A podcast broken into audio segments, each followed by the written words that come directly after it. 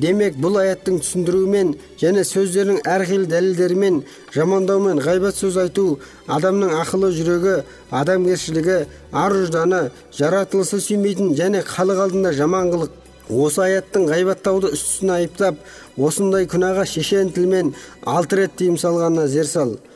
Ғайбат қара ниетті күншіл және қырсық адамдардың өте көп қолданатын жексұрын қаруы ар намысты адамның бұл лас қаруды қолдануға жаны шыдамас атақты бір кісі былай деген екен أكبر نفسي عن جزاء بعيبة فكل اغتياب جهد من لا له جهد яғни дұшпанымды ғайбатпен жазалаудан бойымды аулақ салдым пасық пен арсыздың лас қаруын қолыма неге алайын Егер өзі жайлы бір сөз айтылған кезде әлгі адам сол жерде болса немесе басқа жақта жүріп сол сөз туралы естігенде ренжісе онда ол ғайбат болып саналады. Егер айтылған сөз дұрыс болса ғайбат ал өтірік болса хам ғайбат хам жала бұл екі есе күнә. Кейбір жағдайларда ғана жамандау күнә болып саналмауы мүмкін. Біріншісі біреудің бәле жаласын арашалап ақысын алып беру үшін көмек сұрау мақсатымен қызмет орнындағы адамға шағым түрінде айту. Екіншісі бір кісі екінші біреумен ортақ жұмыс істегісі келеді. Сенен ақыл кеңес сұрайды. Сен ізгі ниетпен тек сол мәселе үшін және сен ақыл сұрағандықтан онымен ортақ болма зиянға ұшырайсың дей аласың. Үшіншісі айтқан кездегі мақсаты қорлау немесе кемсіту емес оны сипаттау анықтау үшін. Ол ақсақ немесе қаңғыбас пәлен жерге кетті деуге болады. Төртіншісі жамандалған кісі егер бетімен кеткен нағыз пасық болса яғни опасыздықтарынан ұялмай керісінше жасаған зұлымдықтарына мақтанып істеген ісіне рахаттанып ашықтан ашық жасай берсе. Міне осындай жағдайларда ғана арам ойсыз ақиқат үшін түзету мақсатымен айтуға болады. Әйтпесе оттың отынды жұта беретіндігі сияқты ғайбатта салих амалдардың сауабын жалмап түк қалдырмайды. Егер біреу өз ғайбат айтса немесе өз еркімен тыңдаған болса деп дұға оқсын, кейін сол жамандалған адамды көргенде мені кешір деп ғафу өтінсін. Әл бақи уәл бақи саид нұрси. Бұл тақырып өте маңызды. Бірінші нүкте. Жәнәбі хақ аса жомарт өте рақымшыл және әділ болғандықтан жақсы істерге лезде сый сияпат жамандықтарға дереу жаза беріп отырады. Яғни олардың ішінде орналастырып қойған қайырлы істердің ішіне ақырет жемістерін еске салатын рухани ләззаттар енгізген күнәлі істердің ішіне де ақырет азабын сездіретін әрқилы жазалар орналастырып қойған. Мәселен мүминдер арасында сүйіспеншілік тамаша қасиеттердің бірі болып саналады. Сол сүйіспеншіліктің ішінде ақыреттің игіліктерін еске салатын рухани ләззат шаттық көңіл қоштық енгізілген. Әрбір мүмин ішкі дүниесіне үңілсе бұл рахатты сезеді. Мысалыға мүминдер арасында қастық араздық жаман нәрсе. Осындай жаман істің ішінде жүректі өртеп жанды мазалайтын ар ұждан азабы болатындығын асқақ рухты жандар сезе алады. Мұндай жағдайдың жүзден астам басымнан өтті. Бір мүмін бауырыма араздық қылғанымда сол араздықтың тартқызатын азабы сонша бұл азап жаңа күнәма берілген жылдам жаза екеніне күмәнім қалмайтын. Мысалыға құрметке лайық кісілерге құрмет көрсету және қамқорлыққа мұқтаж жандарға қамқорлық жасау жақсы қасиет. Игілікті іс. Бұл игілікте ақырет сауабын жаныңа сездіретіндей рахат ләззат бар екендігі сонша жаныңды да пида етердей құрметтеп қамқорлық жасатады. Ананың баласына деген қамқорлығы мен мейірімінен туған ләззат пен әлгіндей сый сияпат ананың жанын құрбан етуге дейін апарады. Бұл ақиқатқа балапанын құтқару үшін арыстанға ұмтылған тауық хайуанат әлемінен бір мысал. Демек мейірімділік пен қамқорлықта кезек күттірмейтін шұғыл сый сияпат бар. Мейірімі мол қайырымды ақкөңіл жандар соны сезіп батырларша әрекет етеді. Мәселен ашкөздік пен ысырапшылдықтың да өзіндік жазасы бар. Ол адамды шығынға ұшыратып абыржытып құтын қашырып жібереді. Есінен адастырып сазайын тартқызады.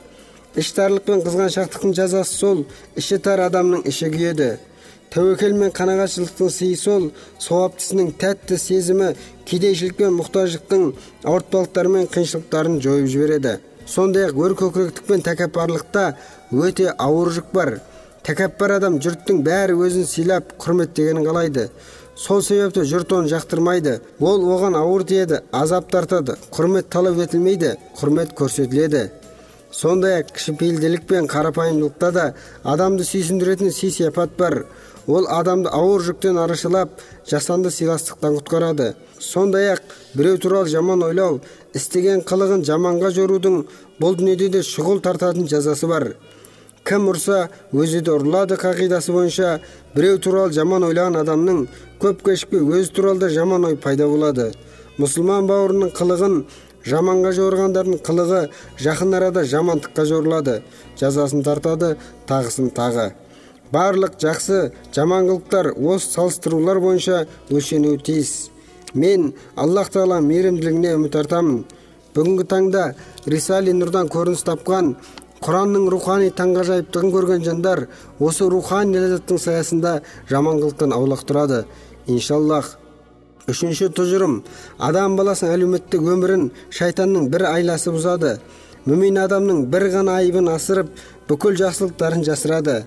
Шайтанның бұл айласы тыңдаған ынсапсыз жандар мүмин бауырына өшімінділік ойлайды.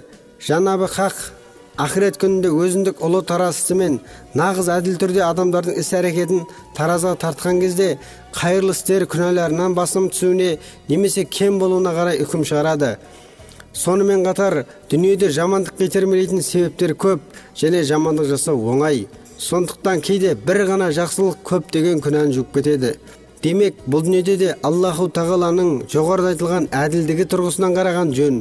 Егер бір адамның жақсылықтары жамандықтарынан саны немесе сапасы жағынан басым болса ол адамды құрметтеп өте маңызды бір ғана жақсы әрекетін бағалап кемшіліктеріне кешіріммен қарау керек. Алайда адам баласы болмысында залымдығынан пендешілігінен шайтанның алдауына еріп адамның бір ғана күнәсына бола жүз сауаптысын ұмытып кетеді. Мүмин бауырына өшпенділік жасап күнәға батады. Мысалы кішкентай ғана шыбынның қанаты адамның көзін жауып алып тауды да бүркеп көрсетпей тастайды. Адам баласының арам пиғылы да шыбынның қанатындай кішкентай қателіктер теріп соның кесірінен таудай жақсылықтарды ұмытады. Мүмин бауырына дұшпан болады қоғамдық өмірдің шырқын бұзушылардың қол шоқпарына айналады төртінші сөз менің қоғамдық өмір туралы ұққаным сүйіспеншілікке ең лайық нәрсе сүйіспеншілік өшпенділікке ең лайық нәрсе де өшпенділік бұл өмірлік ақиқаттардың нәтижесі деуге болады яғни адам баласының әлеуметтік өмірін қалыптастырып бақытқа қуанышқа кенелтетін сүйіспеншілік пен махаббат ең әуелі сүюге жақсы көруге лайық сондай ақ адамзаттың қоғамдық әлеуметтік өмірінің ойран шығаратын дұшпандық пен өшпенділік бәрінен бұрын жеркену мен өшпенділікке лайық. Одан аулақ жүруге тартынуға тұратын жағымсыз зиянды қылық. Осы ақиқат рисали нұрдың 22 екінші хатында толық түсіндірілгендіктен бұл жерде қысқа ғана шолу жасаймыз. Кек сақтау мен өшпенділіктің заманы өтті. Дүниежүзілік екі соғыс өшпенділіктің қаншалықты сұмдық қорқынышты зұлымдық екенін ешқандай қайыр жоқ екенін дәлелдеді олай болса шабуыл жасамаған жағдайда дұшпандарымыздың жаманшылығы өшпенділігіңізді қоздырмасын. Оларға аллахтың қаһары тозақтың азабы жетеді. Кейде адам баласының өр көкіректігі мен нәпсі құмарлығы оған байқатпай иманды жандардың өзін бір біріне тиіскізіп араздастырады. Өзінікін дұрыс қылып көрсетеді. Алайда кек сақтау мен өшпенділікке салынып мұсылмандар арасындағы сүйіспеншілікке ұйытқы болатын иман ислам және адамгершілік секілді асыл қасиеттерді менсінбеу қадірін түсіру жатқылық. Өшпенділіктің елеусіз себептерін сүйіспеншіліктің таудай себептерінен артық көру ақымақтық. Сонымен сүйіспеншілік пен өшпенділік өзара қайшы нәрселер. Олар жарық пен қараңғылық секілді біріге алмайды. Қайсысының себептері басым болса сол шынайы түрде жүректе орын алады. Оның терісі шынайы түрде болмайды.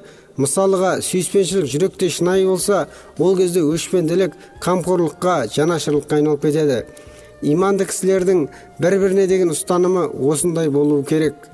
Ал өшпенділік шынайы түрде жүректен орын алса ол кезде сүйіспеншілік бейтарап қалып сырт көзге дос сияқты болып көрінеді. Бұл жағдай тыныш тұрған дінсіздерге қарсы ұстаным деуге болады. Иә иман исламият адамгершілік секілді нұрлы да қуатты дәнекерлер сүйіспеншілікке себепкер. Бұлар біздің рухани қорғанымыз болып табылады. Мұсылмандар арасындағы өшпенділікке себептер майда тастар секілді өзара болмаш нәрселер.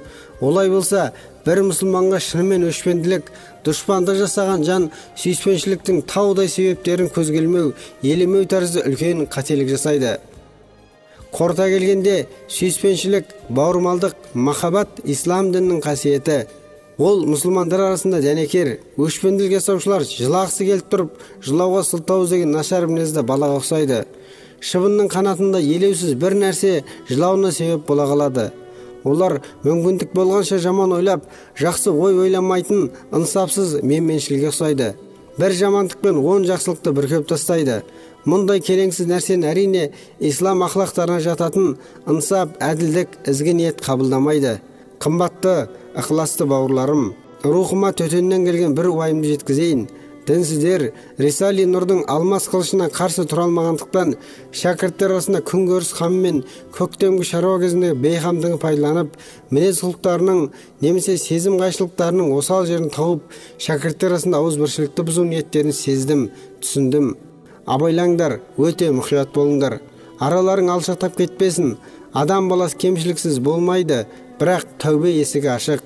Нәпсі мен шайтан сіздерді бауырыңызға қарсы айдап салып орынды деп мінеп сынауға итермелеген кезде біз мынадай ұсақ түйек ақымызды ғана емес тіпті өмірімізді абыройымызды және дүниелік бақытымызды да рисали нұрдың ең қуатты дәнекері болған ауызбіршілік үшін пида етуге дайынбыз. Оның бізге берген пайдасы үшін дүниеге менменшілікке қатысты барлық нәрсені пида ету міндетіміз деп нәпсілеріңнің үнін өшіріңдер. Айтыс тартысқа себеп боларлық бір мәселе бола қалса ақыл кеңес құрыңдар. Өте қатал болмаңдар. Барлық адам бірдей болмайды. Бір жолмен жүрмеуі мүмкін. Бір біріңе кешіріммен қараған абзал. Барлық бауырларыма сәлем айтыңдар. Саид нұрси